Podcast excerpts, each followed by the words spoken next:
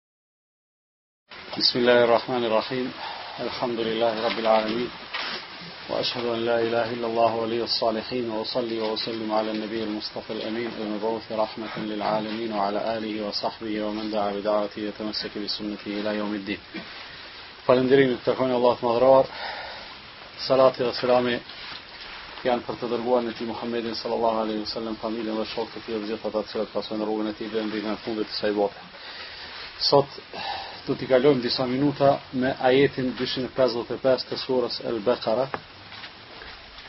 që faktikisht është ajeti më madhështor i Kur'anit. Fjala është për ajetul Kursin, të cilin shpresoj se të gjithë ju e dini përmend. A e dini a s'e dini? Kush po na lexon ajetul Kursin? Hajde Valon Peci.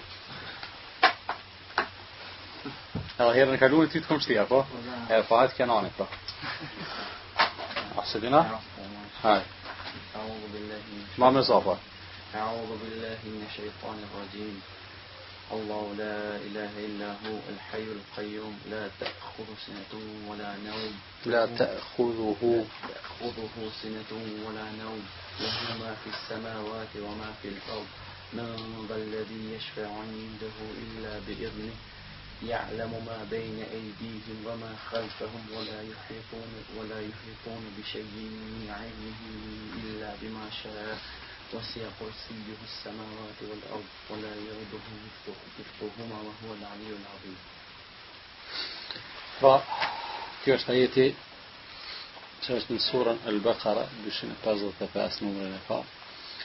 Ajetul Kursi i njoftun që faktikisht shumë musliman e mësojnë, e din, e përdorin tu e pas parasysh vlerën e tij të madhe. Po them vlera e madhe e këtij ajeti manifestohet përveç tjerash edhe në praktikë tu e pas parasysh se ka njerëz që ndoshta namaz nuk falin, po prej seneve që në fillim i mësojnë ose ua mësojnë fëmijëve të tyre ose kështu me radhë, do të thotë është ajetul kursia. Për vlerën edhe rëndësinë e këtij ajeti ka shumë hadithe. Un do t'ua përkujtoj apo më mirë me thon do t'ua lexoj disa prej tyre që janë më të sakta. Edhe shpresoj që t'i mbani në mend ose nëse doni po ua diktoj që t'i shkruani Veç me kusht që t'i shkruani shpejt, mos të përsërisim një fjalë pesë herë se masandej nuk na mbetet kohë për atë pjesën tjetër të dersit. E, hadithi i parë e shënon Imam Muslimi, s'ki nevojë me shkru e shënon, veç shkruje Muslimi nga Ubej ibn Ka'bi.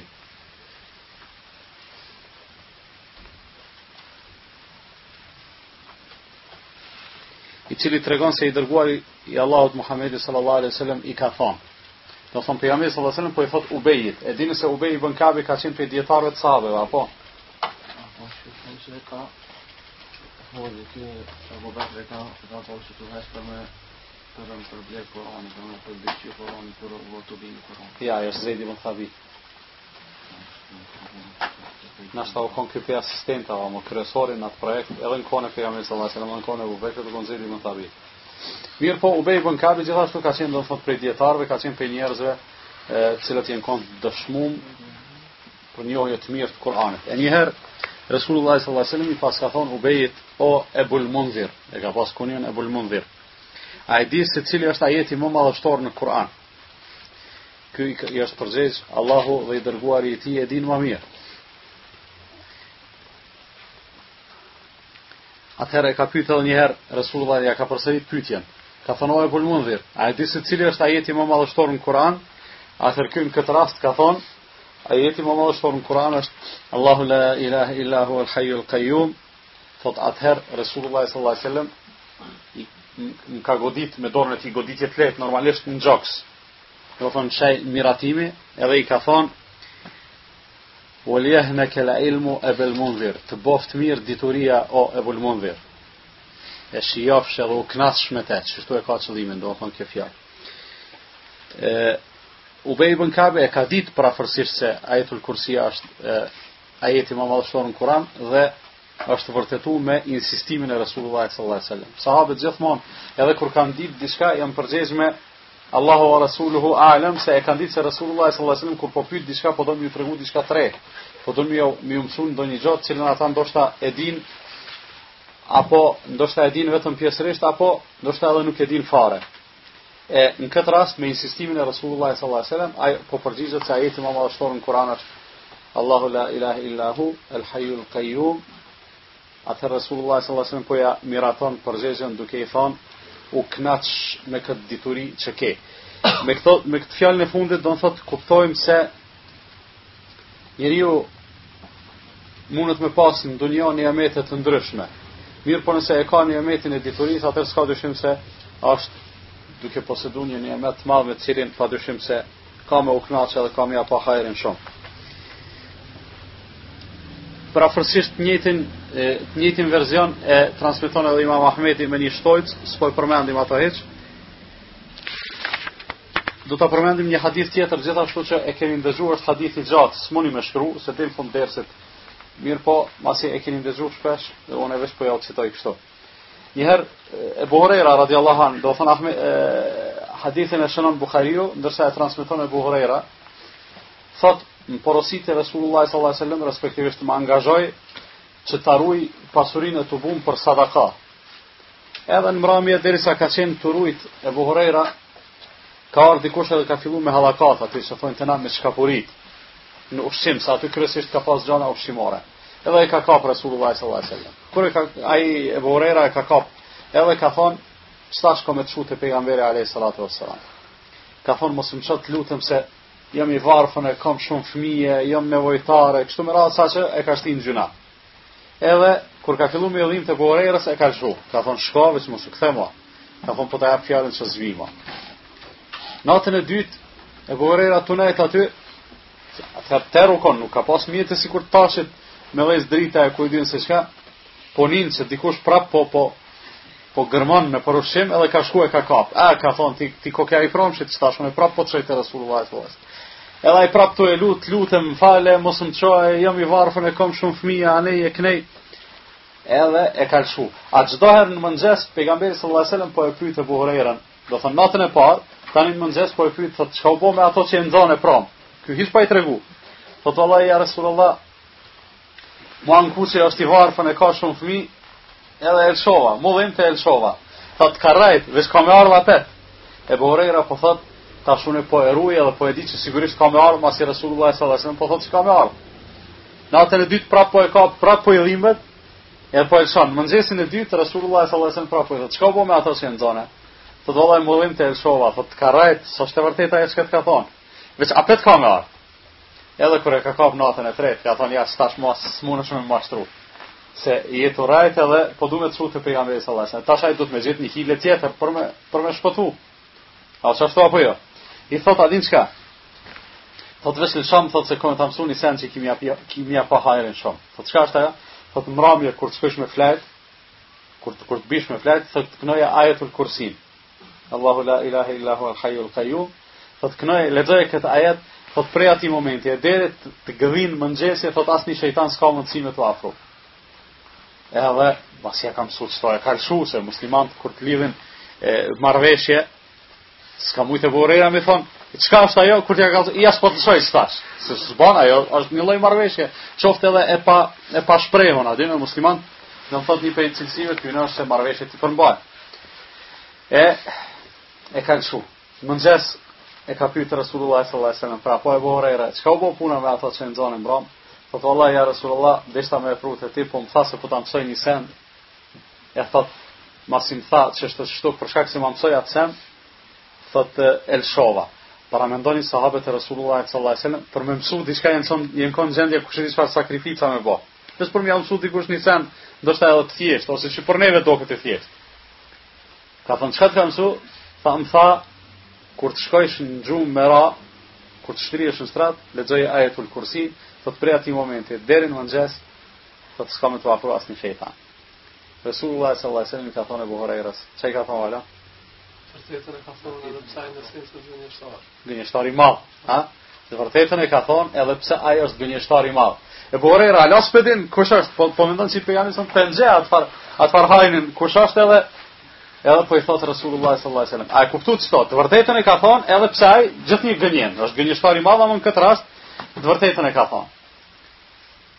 Po i thotë o Ebu Hurera, a je tu e ditë me kënë je tu pas punë qeto tri net ti? Thotë jo, thotë ai është shejtani.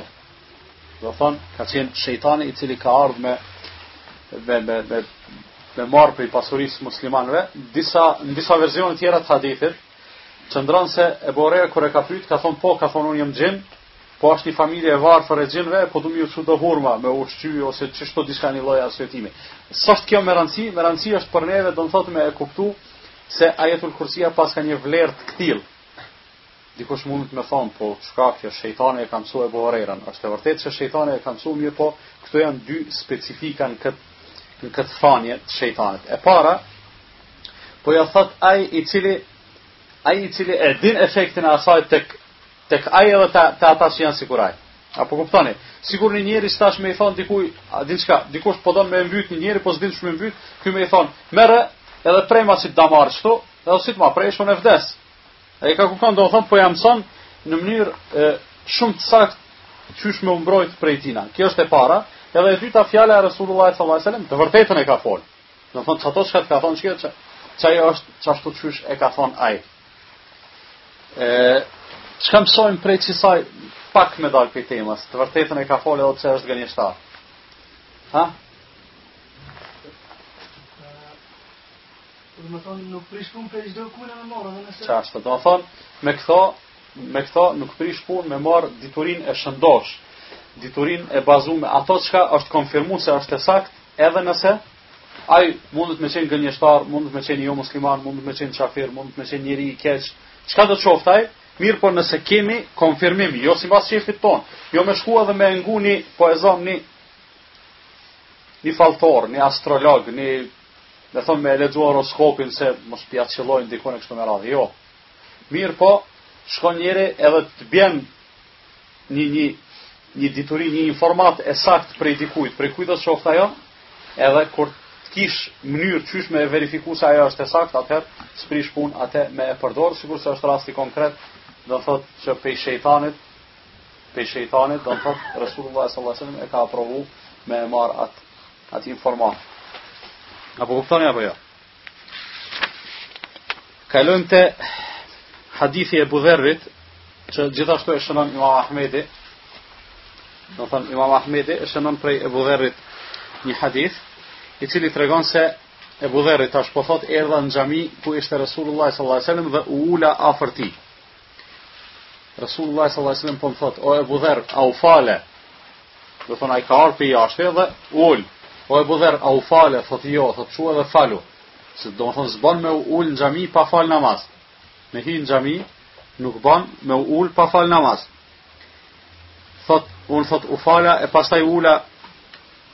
afër Resulullah sallallahu alaihi wasallam, tash po më thot Resulullah sallallahu alaihi wasallam, o Ebu Dherr, vazhdimisht kërkon mbrojtjen e Allahut nga e keqja e shejtanëve të njerëzve edhe të xhinëve. Thash ja Resulullah, a ka a ka shejtan edhe prej njerëzve? Tha po. Do të thotë një gjë që e kemi përmendur edhe më herët edhe e kuptojmë se paska shejtan edhe prej njerëzve. Qysh janë ata, qysh doken? Ha? Si njerëz, si na doken. E çka i bën shejtan? veprat e tyne, po. Tash Ebu Dherri, masi e murr këtë udhëzim prej Resulullahit sallallahu alaihi wasallam, e murr një udhëzim praktik, qysh duhet me u fal para se me u ul, edhe e murr një udhëzim kështu të përgjithshëm, qysh duhet me kërku mbrojtjen e Allahut prej shejtanëve të xhinëve dhe të njerëzve. Po i thot tash Ebu Dherri, po i bon pytje Resulullahit sallallahu alaihi wasallam, po i thot ja Resulullah, Çka është puna e namazit? Folëm diçka për vlerën e namazit. Ka thonë Resulullah sallallahu alaihi wasallam namazi është sendi ma i vlefshëm, veprimi ma i vlefshëm që u është përshkruar njerëzve. Do të thotë që është bo ose obligim ose që janë nxitë në ta. S'ka ma të mirë. Andaj thotë kush don le të falet pak, edhe kush don le të falet shumë. Është fjala për Namazet vullnetare, normalisht. Me këto, Resulullah sallallahu alaihi wasallam ka dashtë me i tregu, me i thonë kqyre, unë po i tregoj që kjo është shumë e vlefshme, e tani ju qysh doni, dashtë të thonë, nuk pak në dashtë të shumë. Ka thonë, po, çka është puna e agjerimit? Thot, agjerimi është një obligim i cili shpërblehet gjithsesi, por te Allahu ka edhe më tepër. Do të thotë Allahu shpërblen në mënyrë të veçantë për agjerimin. Po sadakaja Thotë sadakaja shpërblimi i sadakasë është shpërblim i shumëfishuar. Ka përmend Allahu azza wa jall në Kur'an men dhe ledhi jukridu Allah kardan hasanan fe judaifa fe judaifahu lehu adhafen kathira. Kush është ai që jep hua të mirë Allahut azza wa jall? Allah s'ka nevojë për hua. Po si të jap sadaka Allah pastaj atij njeriu ia kthen shumëfish. Tha i thashë ja Resulullah po cili lloj i sadakas është ma i vlefshmi? Thotë, sadakaja ma e vlefshme është kur e jep njeriu i cili nuk ka shumë, ka pak. Do të thotë, menzi ka dal pe, menzi ka dal pe atij statusit të fukaras. Do të thotë, ndoshta veç një hap, veç një milimetër e ka kalu edhe menjëherë mendon qysh me dhon për Allahun subhanehu teala. Thotë, ma e mira është qekjo, ose ma e mira është gjithashtu që fukaras me i dhon fshehurazi, jo haptazi. Do të thotë jo në sy njerëzve me thon që unë filan po të jap qito sadaka, mirëpo nëse don me i dhon, i jep fshehurazi kjo është ma mirë sesa me i dhon publikisht. Tash e ka ndru temën e bisedës Ebu Dherri, edhe po e pyet Resulullah sallallahu alaihi wasallam, po thotë ja Resulullah, cili ka qenë nebiji i parë, pejgamberi i parë, lajmëtari i parë? Ka thon ai ka qenë Ademi. Ka thon Ja Resulullah, po a pejgamber ka qenë Ademi, do në thotë a ka qenë nebi, ka thonë po. Ka thonë ka qenë nebi të cilit i ka folë Allahu subhanahu wa ta'ala. Thotë mirë, e sa ka qenë numri i pejgamberve që janë konë murselin, rusul, jo embia, embia ma shumë, po rusul ma pak. Ka thonë 300 e diçka, simas një verzioni 315.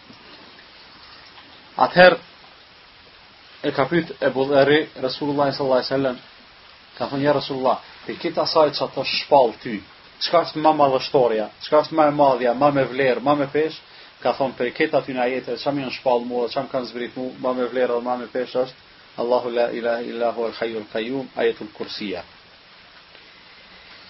Do thonë, këtu përfundon hadithi i Ebu Dherrit. Një hadith tjetër, që gjithashtu e shënon Imam Ahmedi, e që e transmiton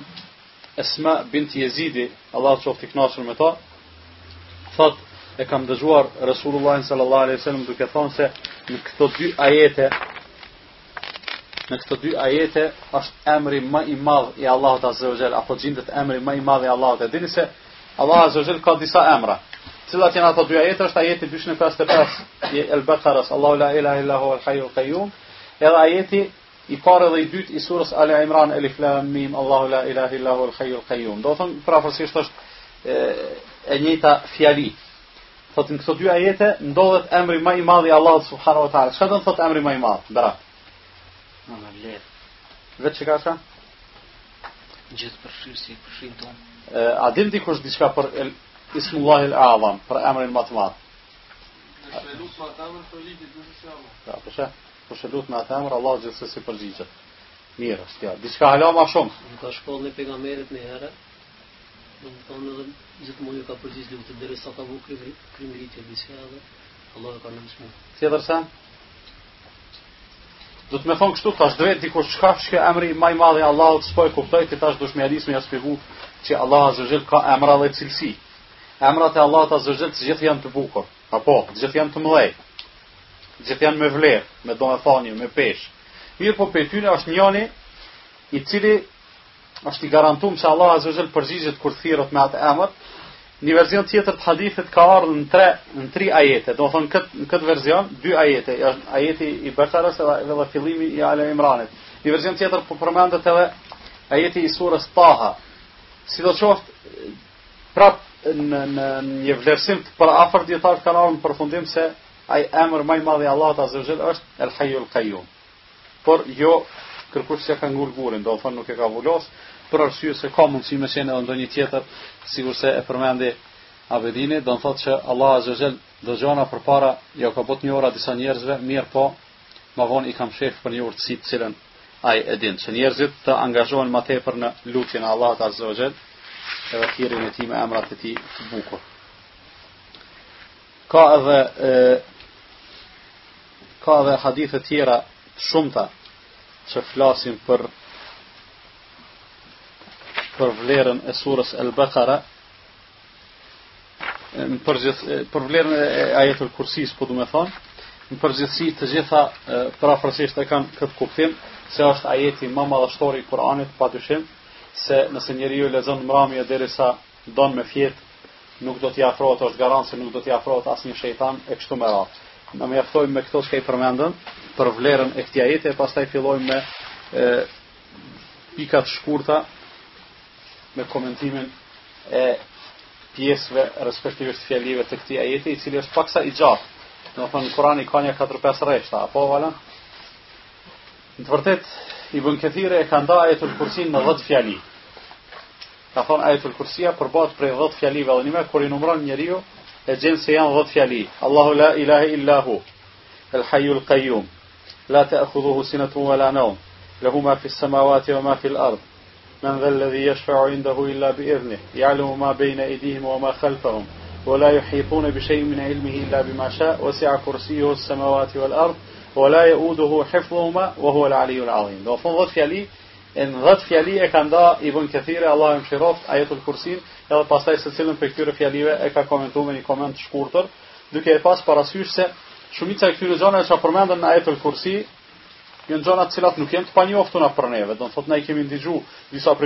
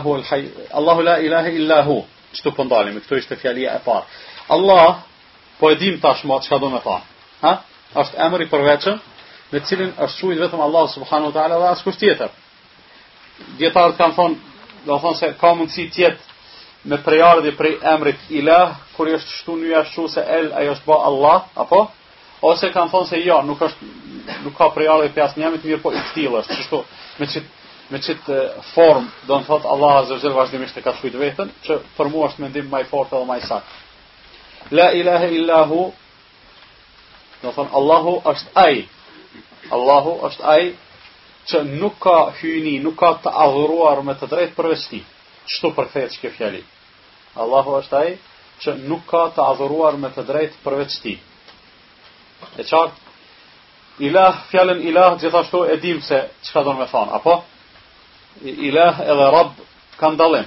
Edhe pse në gjuhën tonë shpesh të dyja të përkthehen me Zot.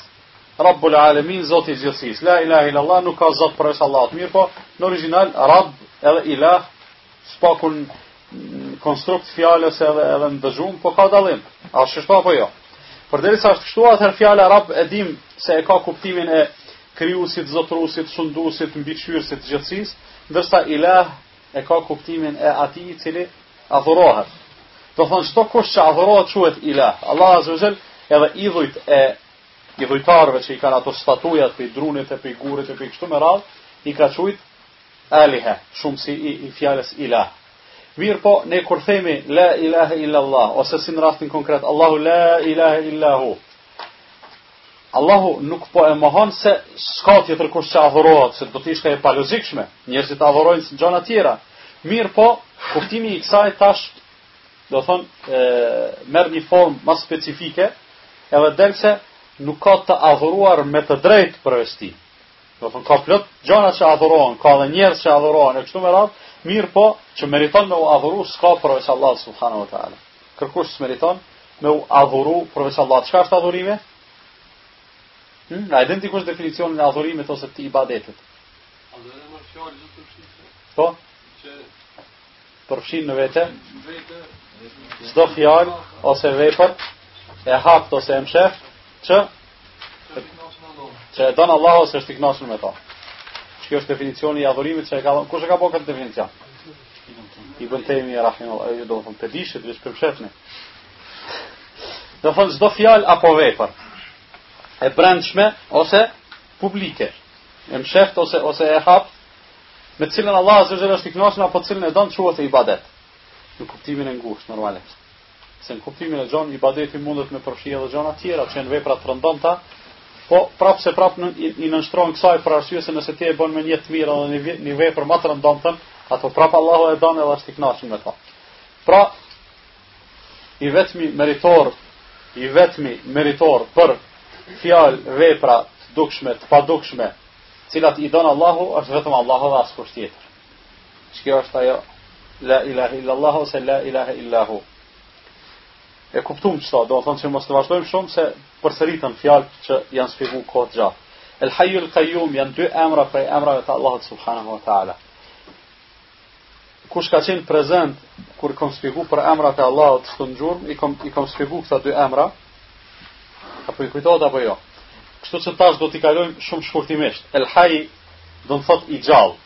bukvalisht nëse e përkthejmë fjalën El Haj, do të thotë i gjallë. Mirpo, kur Allah Azza wa Jall quhet me këtë emër El Haj, atëherë s'ka dyshim se emrat e Allahut Azza wa Jall jo vetëm që kanë kuptimin e rëndomtë, por kanë kuptimin ma të plotë që është i mundshëm.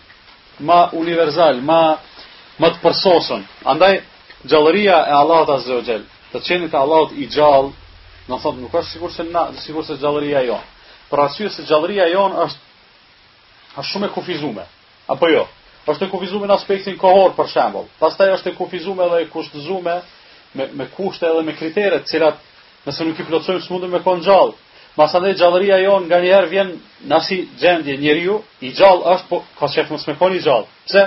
Për shkak se ka sëmundje, ka bela, ka sprova, ka vështirësi, ka ashtu, ka ashtu. Krejt këto, çka thash, do me thonë, vlen për krijesa. Ndërsa gjallëria e Allahut Azza wa Jall nuk është e këtill. Allahu Azza wa Jall është i gjallë dhe nuk vdes asnjëherë, sikur se ka thënë në surën El Furqan, "Wa tawakkal ala Allahi, wa tawakkal ala al-hayy alladhi la yamut." Dhe mbështetju të gjallit i cili kurrnjëherë nuk vdes. Pra, çka është karakteristikë e parë e gjallërisë së Allahut subhanahu wa taala se asnjëherë nuk vdes. Pastaj në gjallërinë e tij nuk ka mangësi, nuk ka nuk ka ato çka i i i paraqiten njeriut për shembull, edhe nuk ka nevojë për gjëra të jashtme për të qenë gjallë. Ai ka qenë i gjallë vazhdimisht, asht edhe mbetet i këtill. El Qayyum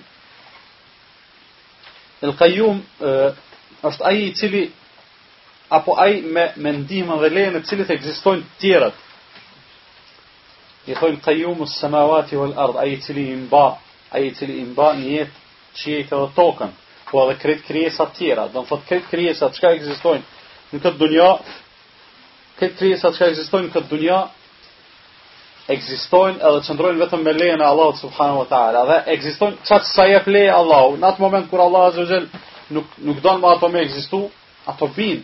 shkatërrohen. Do thotë Allah Azza wa Jall është ai i cili i mba n'jetë krejt krijesat, ndërsa vetë ekziston pa pas nevojë, do thotë për pa pas nevojë për asgjë. Sikurse thotë Allah Azza wa Jall n'Kur'an wa min ayatihi an taquma as-sama'u wal-ardu bi amri.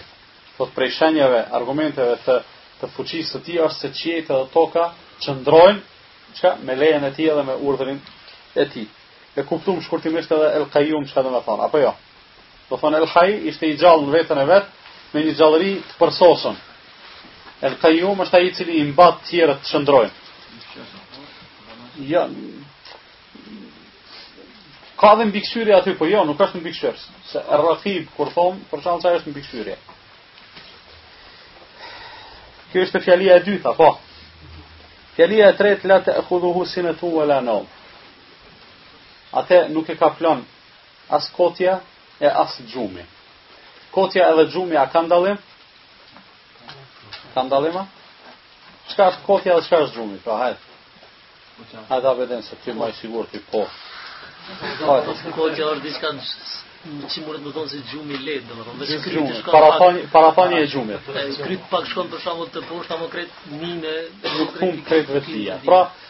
Kotja është një lloj gjumi i lehtë, qysh po thotë, ose është një diçka që i paraprin gjumit, ose nganjëherë njëri mundet mos me flajt mirë, po pa u kot zban. E kotja edhe xhumi. Çka janë në të vërtetë? Janë simbole të çkafit. Ha? Dobësis. Të lodhjes. Do thonë, pse pse flan njëri? S'mundet vazhdimisht me qëndru, për çata, domethënë, o lodhë, ka shpenzu energji, ka nevoj për me pushu edhe, vjen një kohë kur s'mundët ma shumë ma dhe s'ka çare pa fletë. Domethënë, janë, janë shenja simptome të dobësisë, edhe kotja edhe gjumi, janë shumë t'përafërta ndërmjet veti. Mirëpo, Allah Azze ue Xhel i ka përmend të dyjat edhe kotjen edhe gjumin, për të tregu madhështin e vetë, për të tregu përsosmërin e vetë, për të tregu faktin për të dëshmu faktin se krejt çka ekziston janë nën mbikëqyrjen e tij dhe ato në asnjë moment nuk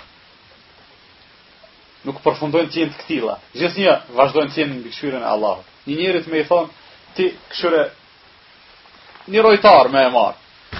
Do të thotë me i thonë ti sonte ki me ndajt prej orës 8 në mbrëmje deri në ora 8 në mëngjes me e ru çet objekt e kështu me radhë. Çka bëjnë rojtarët zakonisht? Kryesisht flejnë. Presin sa ka lëvizje, kur është rreziku më i vogël, ata rrin çut. Kur është rreziku më i madh se s'ka lëvizje, domethënë që hajnat operojnë më me lehtësi ata çat sahat flejnë. Pse? Për arsye se është dobësi e njeriut, nuk mundet me qëndru, a në anën tjetër, në anën tjetër do të thotë mbikëqyrja e çasaj me çka është obliguar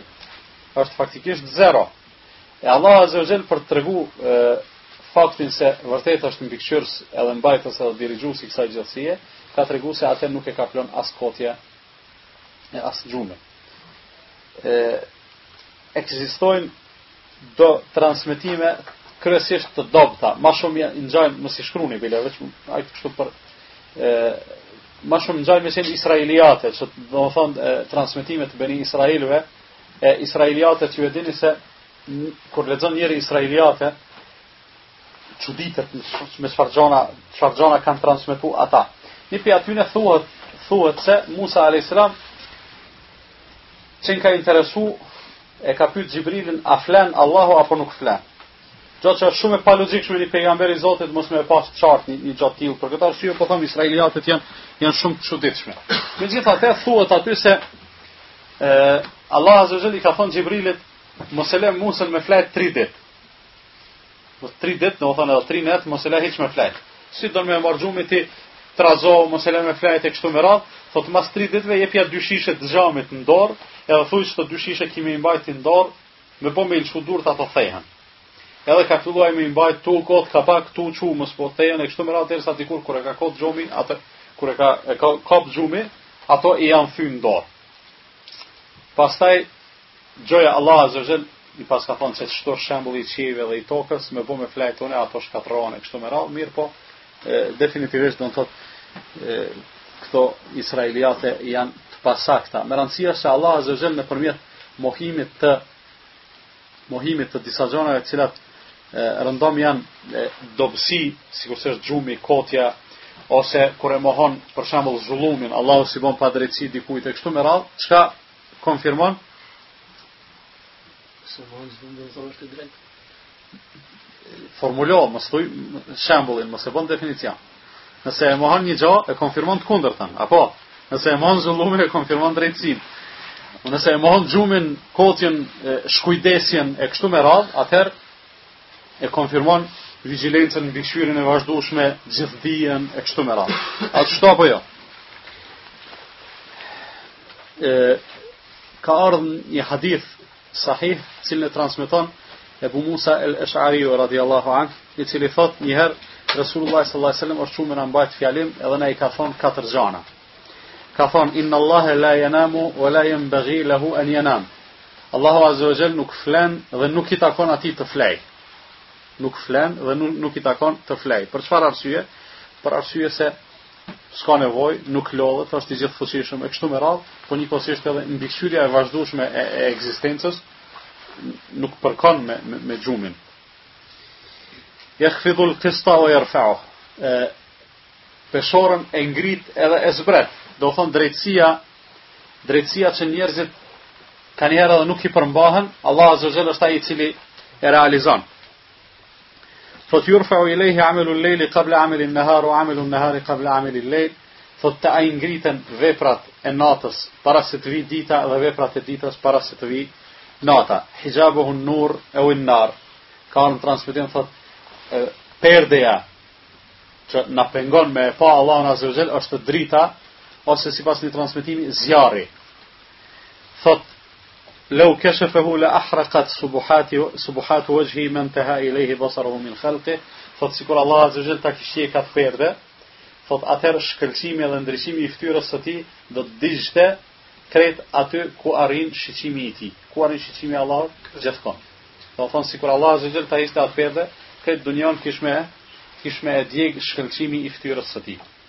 Ky është një hadith që tregon se Allahu azza wa jall nuk flen, edhe nuk i takon Allahut subhanahu wa taala që që të flej. Kalojmë te fjalia e katërt, lehu ma fis samawati wa ma fil ard, atij i takon krejt çka ka në qiej edhe në tokë. Pra, krejt çka ka në qiej edhe në tokë, çdo gja që ekziston, janë të nënshtruar, janë krijesa janë robër të Allahut subhanahu wa taala, edhe nuk ka mundësi nuk ka mundësi që ata të kenë ndonjë lëvizje, ndonjë qëndrim, ndonjë iniciativë përveçse me lejen e Allahut subhanahu wa taala. Njeriu, njeriu edhe kur bën keq, na themi se është nën pushtetin e Allahut azh, edhe kur bën keq, me dash Allahu mos me ia leju, s'mundet me bo keq, edhe ato e bën me lejen e Allahut. Mirëpo, ju e dini se dëshira e Allahut është dy lloje. A vala? Është dy lloje. Qysh? kozmologjike edhe po edhe fetare. Dëshira kozmologjike është ajo që Allah azza wajel don me ndodh dita nata edhe eklipsi për shembull kur ndodh nxinet hona ose dielli ose kështu, krejt këta e ndodh me lejen e Allahut azza wajel. Edhe kur e lejon Allahu keqbërësin me bë keq për shembull një një kriminel me shku me vjedh një njeri të mirë. Edhe ai, edhe ai bëhet me me lejen e Allahut subhanahu wa taala. Mirpo dëshira fetare apo dëshira sheriatike e Allahut azza xhel që ai mos me bo vepra të këqija, po s'ja ka imponu. Allahu azza xhel ka thonë mos vjedh, edhe pse i toleron njerëzit që të vjedhin, mirpo ata prap do të ballafaqohen me atë çka e meritojnë. Allahu azza xhel ka thonë njerëzve faluni, edhe pse i toleron njerëzit mos me u fal, por prap do të ballafaqohen njerëzit falësit e namazit me rezultatet e namazit tyre, po edhe lanësit e namazit me pasojat e lënies së namazit. Allahu azza wa jall dëshiron që njerëzit të besojnë. Allahu nuk dëshiron që njerëzit të bëjnë kufër, megjithatë njerëzit prapë mohojnë. Domethonë Allahu ja u ka lehtësu se sikur Allahu ja u ka mundësu, po domethonë kush çka don me zgjedh për veten e tij. Sikur Allahu t'ja u kish imponu të gjithëve me qenë besimtar, çka do të bëhej? Ha? Krejt ishin bo musliman, po, po, mas andej, s'kish pas nevoj me kërkon as me shpërbly, as me ndëshku, se jau ka imponu. A tek që jau ka lënë të lirë me zgjedh, pra e pason edhe shpërblimi, do thonë ti e ke zgjedh, në mesin e krejt sfidave, joshjeve, ngacmimeve, provokimeve, do thonë në jetën tënde, ti ke zgjedh me e besu Allahun. Ti ke zgjedh me i bo ibadet Allahut subhanahu te. Padyshim se është një është një sakrificë shumë e madhe, është një vetmohim, i cili meriton të shpërblehet dhe për këtë arsye Allahu azza wa jall ditën e gjykimit do t'i shpërblejë do t'i shpërblejë besimtarët. Pra, lehu ma fi samawati wa ma fi al-ard, Allahut i takojnë apo të Allahut janë krejt çka ka në qiej edhe në tokë, krejt janë nën pushtetin e përgjithshëm të Allahut subhanahu subhanahu wa taala. Këtë dëshmojnë ajete të shumta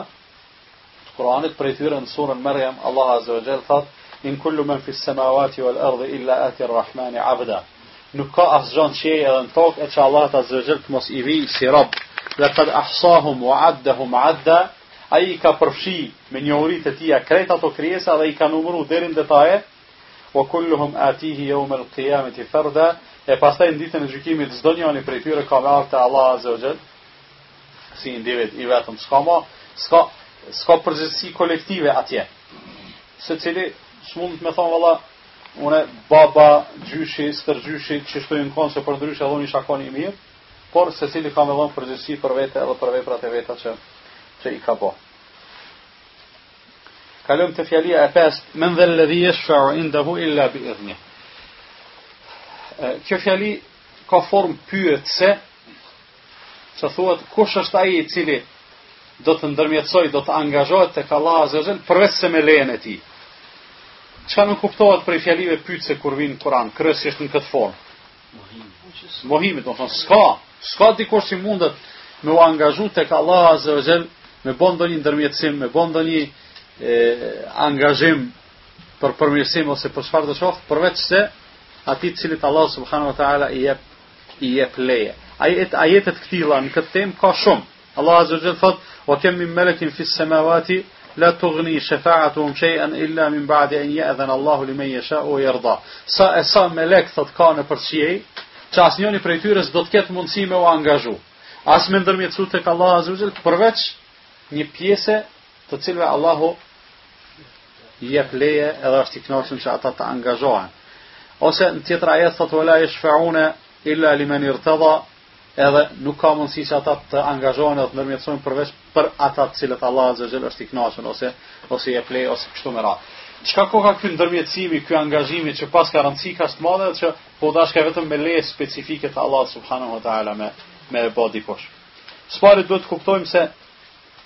kemi të bajmë me angazhimin me dy faktorët e angazhimit. Ai që angazhohet edhe ai për të cilin angazhohet. Domethonë kryesi i kësaj, po edhe përfituesi prej atij veprimi. Që të dy pa dyshim se janë të privilegjum, se do të ketë në ditën e gjykimit njerëz që do ta meritojnë ndëshkimin e Allahut azza wa jalla, s'ka me pas, s'ka me u diskutu që dikush për ta me u angazhu ose me ndërmjetësu. S'diskutohet. Për shembull ata që kanë vdekë në kufër, u kry puna e tyne. Fjala është për, për shembull për besimtarët që kanë bo mëkate të mëdhaja ose që kanë mangësi e të meta në veprat e tyne e kështu me radhë, atëherë nevojitet një angazhim. Nëse Allah Azze ue Xhel i jep dikujt mundësi që ai të përfitojë prej angazhimit të tjetërkujt, atëherë s'ka dyshim se është një, është një lloj beneficioni, është një lloj s'paku të themi lehtësimi për atë njeri. Mirëpo në anën tjetër, ai i cili e gëzon atë privilegj, e gëzon atë mirësi, që me, me pas mundësi me shku te Allahu dhe me thonë, o Allah, që për filanin, ose për filan grupin, ose për kështu me radhë, atëherë s'ka dyshim që ai njeri po u dashka me konë shumë i afërt te Allahu. A është ashtu apo jo? Në jetën e përditshme, me thon dikush, a ki problem te filani, hajt se unë ta kry punën. Kush duhet me konë ky që thotë që thotë unë ta kry punën? Një i afërt me atë njeri, duhet me pas autoritet te ai. Kështu, Allah Azze ue Xhel, do me thonë, tregon se njerëzit me gjithë të metat, me gjithë mangësitë, me gjithë mund me thonë edhe meritat e tyne për të meritu ndëshkimin e Allahut azze ue xhel, Allahu prapë se prapë ka lonë shumë rrugë, qysh ka lonë rrugë edhe dyer hapun në dynja, sikurse është dera e teubes, dera e veprave të mira që i shlyn të këqijat e kështu me radhë, dera për shembull e ibadeteve nafile për t'i plotësu ato çka janë obligative e s'janë kry si duhet, Krejt këto janë dyer të mirësisë së Allahut azza wa xhel që Allahu po don që njerëzit me i shpëtu dhe me i shpërbly. Pastaj vjen në ahiret gjithashtu manifestohet mirësia dhe mëshira e Allahut azza wa xhel, përveç tjerash nëpërmjet nëpërmjet shefatit apo apo ndërmjetësimit që bëjnë ë ata që kanë autoritet te Allahu azza wa xhel për për njerëzit e tjerë, prej tyne është Muhamedi sallallahu alaihi wasallam, i cili Subhanallah, prej specifikave të tij sallallahu alaihi wasallam osht se ditën e gjykimit shkojnë njerëzit shkojnë njerëzit te, te pejgamberët rend, te Ademi, te Nuhi, te Ibrahimi, te Musa, te Isa. Shkojnë aman Allahu veç let na veç let na kurtalis, veç let na largon prej saj fushë ku jena tu prit, let na gjykon. A pritja ditën e gjykimit është shumë shumë e mërzitshme, shumë e lodhshme, shumë e mundimshme. Por, njerëzit kur shkojnë ashtu ata nuk janë të sigurt që mas asaj pritjes kanë kanë me pas punë të mirë. Ndoshta dikush ka me shku në xhenem, e ai që shkon në xhenem e ka shumë më keq se aty ku ka prit. Megjithatë, prej mërzisë së madhe, prej mundimit të madh, kërkojnë prej Ademit alayhis salam me ndërmjetësu, ai refuzon, thotë jo. ë Nuhit, Ibrahimit, Musës, këta refuzojnë, veç Muhamedi sallallahu alaihi wasallam thotë po, thotë unë jam ai i cili inshallah do të ndërmjetësoj tek Allahu azza wa jall. Edhe shkon Muhamedi sallallahu alaihi wasallam te kambët e arshit edhe bjen n'sexhde. Kur bjen n'sexhde, fillon me e madhru Allahun azza wa jall me fjalë dhe me shprehje t'cilat kurrë më përpara nuk i ka dit, i inspirohen në atë kohë. Do thonë madhërime edhe dua e lutje. Na e dim me ato të dunjas çka i ka thonë Muhammedi sallallahu alaihi wasallam kur realizojmë një lutje që i ka thonë Muhammedi sallallahu alaihi wasallam namaz ose jashtë namazit, e vrem se asnjoni prej neve s'munet me përpilu diçka të tillë. A ashtu apo jo? Do thonë, secili prej neve mahnitet me, me, me bukurinë e shprehjeve të Resulullah s.a.s. në dunja. Po paramendo kur në atë, në atë ditë dhe në atë kohë, n'mënyrë të drejtpërdrejtë do t'i inspirohen ato lavdrime edhe ato lutje Muhammedit s.a.s. Edhe një moment t'caktum, Nizâ i thotë, Ngrite kokën ja Muhammed, kërko, do të jipet, angazhohu, ndërmjetëso, do të pranohet ndërmjetësimi yt, atëherë Muhamedi sallallahu alaihi wasallam fillon me lut Allahun subhanahu wa taala që me jau lehtsu njerëzve, me jau lehtsu ummetit të tij, në veçanti me i gjyku, me jau lehtsu gjykimin edhe këta që shkarin më vonë, edhe me i çu me i çu në xhennet. Kjo ishte fjalia e pesë. Fjalia e gjashtë, jalemu ma bejne ejdihim, wa ma khalfehum. Allahu di krejt çka ka para tyre dhe prapa tyre. Në vërtet, kur thuhet para tyre dhe prapa tyre, nënkuptohet edhe çka? Edhe anash, edhe djathas e majtas, lartë edhe poshtë. Do thonë Allahu azza wa jall me këto po don me tregu se Allahu di çdo gjë. Krejt çka kanë bo ma herët, çka bojnë njerëzit ma vonë, çka janë tu bo tash, ato çka i fshehin, ato çka i publikojnë, ato krejt Allahu subhanahu wa taala i i di.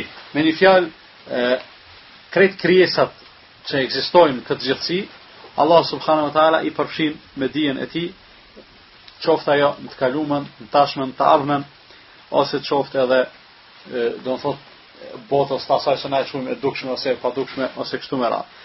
Allahu subhanahu wa taala një ajet flet për engjëjt, për me, melekët ku e citon fjalën fjalën e thanien e tyre, "Wa ma natanazzalu illa bi amri rabbik", ne nuk zbresim përveç se me urdhrin e Zotit, do të thotë meleku kur zbret pe qiellit në tokë, ai vetëm me urdhër special, nuk nuk zbret sipas qefit vet.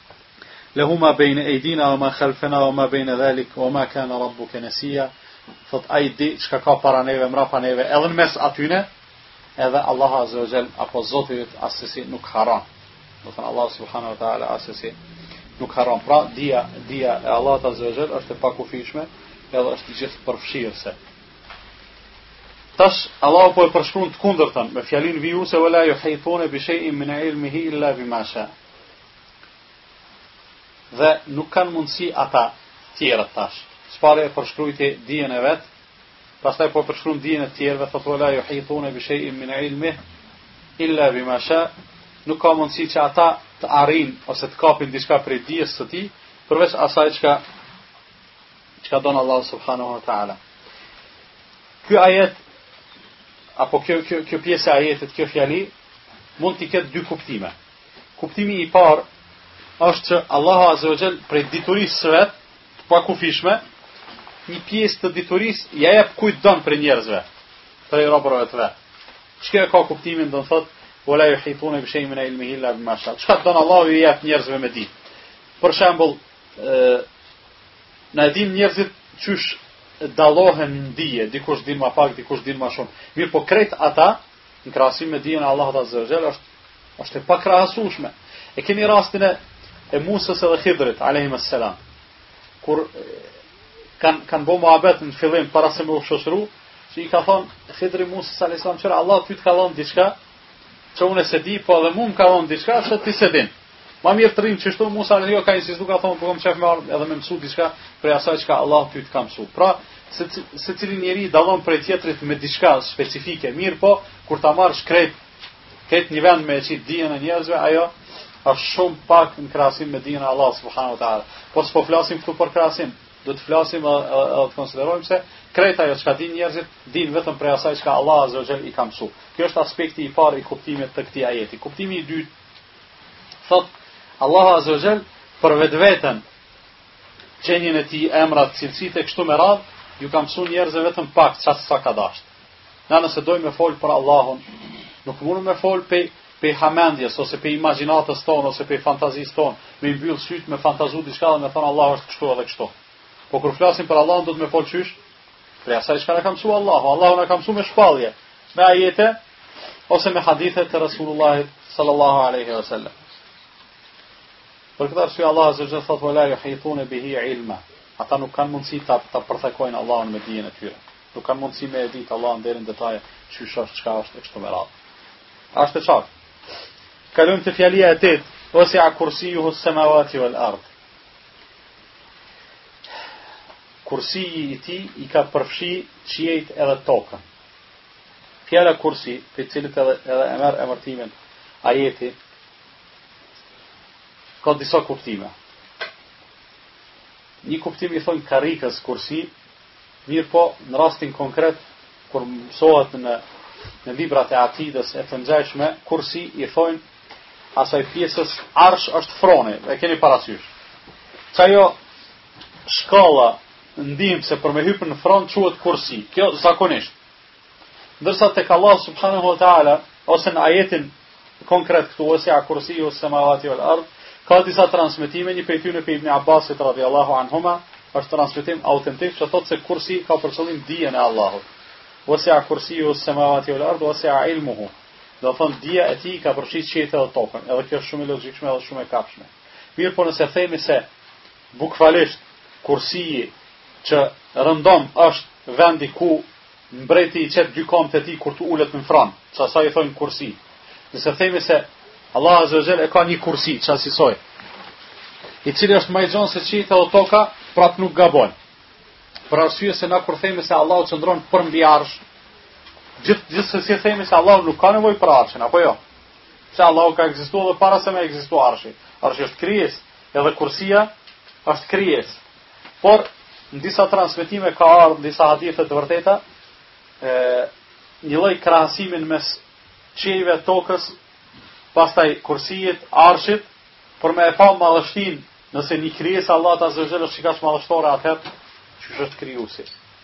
Thotë Resulullahi sallallahu alejhi ve sellem në hadith, Qiejt edhe toka në krahasim me Kursiun është sikurse një monedhë, ha? Cilën e hudh ku? Shkretin. Paramendo ni shkretin e gjan. Sa don le të jetë gjan, e madhe e vogël nuk është me rëndësi. Veç paramendo don thotë një hektar me qen, gjuje një monedhë, një një, një 5 cent. Edhe kshyre sa është krahasimi. Domethënë këto qiejt edhe toka në krahasim me Kursiun. Po kursia në krahasim me Arshin është gjithashtu sa një monedhë në krahasim me një shkretëtinë. Me këto do të thotë dëshmohet madhështia e krijesave të Allahut subhanahu wa taala, po njëkohësisht edhe kur shohim këto krijesa kaq madhështore, atëherë krijuesi është gjithsesi i plotfuqishëm, i gjithdijshëm e kështu me radhë. Prap po them, sidoç ta marrim, edhe nëse e marrim sipas kuptimit që i ka dhënë Ibn Abbasi, dija e Allahut ka përfshi qiejt e tokën, s'kemi gabu, po edhe kursin, tu e pas parasysh se kanë ardhur transmetimet që dëshmojnë një gjë të tillë, që s'është patjetër me e pas ajeti këtë qëllim edhe pse ato ekzistojnë qashtu qysh janë përshkru në hadithe domethënë të dyja janë të sakta edhe themi gjithsesi se Allah Azze ve Xhel nuk ka nevoj as për kursin, as për arshin, as për asgjo ai është i cili ekziston ekziston pa pas nevoj për askënd ai është sovran absolut me plot kuptimin e fjalës e qartë a po wala yauduhu hifdhuhuma Fjalia e nëntë, Nuk, atij nuk i vjen vështirë ruajtja e qiejve dhe e tokës. Do të thotë, nuk ka kurrfarë vështirësie, nuk ka kurrfarë rëndimi për Allahun azza wa xhel që ai t'i ruajë qiejt edhe tokën. Domethënë qiejt edhe toka ekzistojnë, po jo vetëm që ekzistojnë, po dhe funksionojnë, paramendoni gjithë këta trupa qiellorë është një është një Një dendësi shumë e madhe e trupave qiellorë që ekzistojnë në kozmos, gjithë lëvizin e kështu me radhë, mirëpo kurrnjëherë nuk ndodh kurrfarë kurrfarë aksidenti, për çfarë arsye, për arsye se ai që i vnon në lëvizje është Allah subhanahu wa ta'ala. Ai i ka kriju, ai i ka vnun në lëvizje, ai jau jep energjinë për me lëviz, dielli Nuk ka nevojë as me i qitë qymyr, as as dru, as naftë, as benzinë, ai vazhdimisht ndriçon. Çdo ditë del me lejen e Allahut Azza wa Jall në kohë të caktume edhe perëndon në kohë të caktume. Ekziston në distancë të caktume me tokën as me u bo nxehtë, as me u bo ftoft, ju të gjithë këto ndoshta i dini edhe ma mirë se unë me pas kon pak ma afër çka ish bo, me pas kon pak ma larg çka ish bo. Këtë këto kur i themi me pas kon s'ka mujt me kon se Allahu qashtu e ka kriju, qishtu qysh është. Mirëpo, nëse dojmë me thonë se nuk ka asgja rastësisht në këtë dunja, atëherë mund të themi po valla, nuk ka asgja rastësisht për arsye se ka hy ba që dielli me qenë qat distancë qat distancë të të qëllume me tokën që drita dhe nxehtësia e tij për ne me qenë të përshtatshme edhe të mira për për jetën në tokë. E Allah subhanahu wa taala normalisht se Nuk i vjen vështirë dhe nuk i vjen rëndë që t'i rujë qiejtë dhe tokën, që ato të funksionojnë qashtu qysh duhet, që njerëzit të jetojnë në to, të shfrytëzojnë të mirat edhe begatitë e tij që janë në tokë, edhe shiun që lëshohet prej qiellit e kështu me radhë, por krejt këto njeriu duhet t'i kuptojë si çka? Vetëm si si karburant që ai pastaj t'i shërbej Allahut Azza wa Jall, apo më mirë me thon ti bëj ibadet Allahut subhanahu wa taala. Allahu Azza wa Jall këtë këtë gjithësi që e ka kriju, na jemi krijesa qendrore në gjithësi. A është kështu apo jo? Njeriu është krijesa qendrore në gjithësi. Dielli është shumë i madh, yjet tjera, sipas shkencëtarëve janë sh me miliona herë ma të mdhaja se dielli, edhe pse në qiell natën doken si pika për shkak të largësisë së madhe. Mirëpo megjithatë krejt këto, gjithë këtë diell Allahu azza wa jalla e ka kriju për neve. Neve me na bo dritë, neve me na nxe, gjithë këtë tokë Allahu azza wa jalla e ka kriju për neve, gjithë këto kafshë, pej cilave kemi dobi, Allahu i ka kriju për neve gjithë ato bimë e kështu me radhë. Madje Allahu azza wa jall edhe melekët i ka shti në funksion të njeriut. A është kështu apo jo? Xhibrilin, gjithë ai melek, meleku ma ma i madh. Edhe ma i mirë i, i, i gjithë melekëve, ai ka qenë i angazhum me ju pru njerëzve ato çka ju bon dobi shpirtnisht, edhe në jetën e tyne të kësaj bote edhe edhe edhe në jetën e botës tjetër. Qashtu Mikailin, qashtu melekët tjerë e kështu me radhë. Pra Allah azza wa jall nuk e ka absolutisht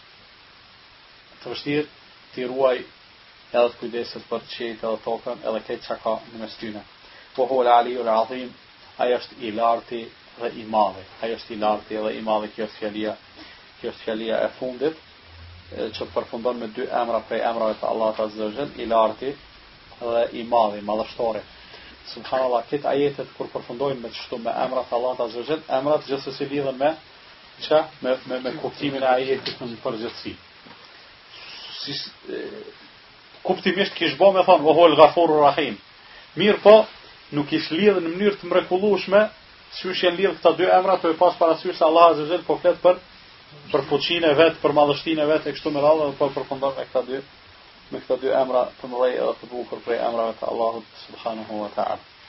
Në përgjithësi, Ajetul Kursia është një ajet madhështor, edhe vërtet madhështia e tij qëndron edhe në faktin se landa të cilën e trajton Ajetul Kursia është është e madhe. Ajetul Kursia flet për Allahun subhanahu wa taala. Pra, kemi thanë edhe në fillim nëse ju kujtohet një parathanie që e kemi bo se secila dije, secila shkencë autoritetin e vet e ka prej asaj çka trajton. Do thonë dija e cila flet për Allahun azza wa xhel, ajo është ma e mira dhe ma e vlefshmja. Edhe në këtë rast ajeti Ajetul Kursi, çdo ajet i Allahut azza wa xhel, çdo fjalë e Kuranit është madhështore dhe meriton respekt edhe krejt ato, mirëpo Ajetul Kursi është më madhështor, duhet pas parasysh se flet për Allahun subhanahu wa taala. Cilido prej neve me e marrë këtë ajet edhe me e studiu mirë edhe me mendu rreth tij edhe kështu me radhë, nëse arrim me i kuptu këto 10 fjali të ajetit, atëherë e kemi njoftë Allahun azze we xhel ashtu si duhet, ashtu si i takon, edhe e njohim edhe mënyrën se qysh duhet me i bo ibadet Atij, qoftë i lartësuar, me kaq po e përfundojmë.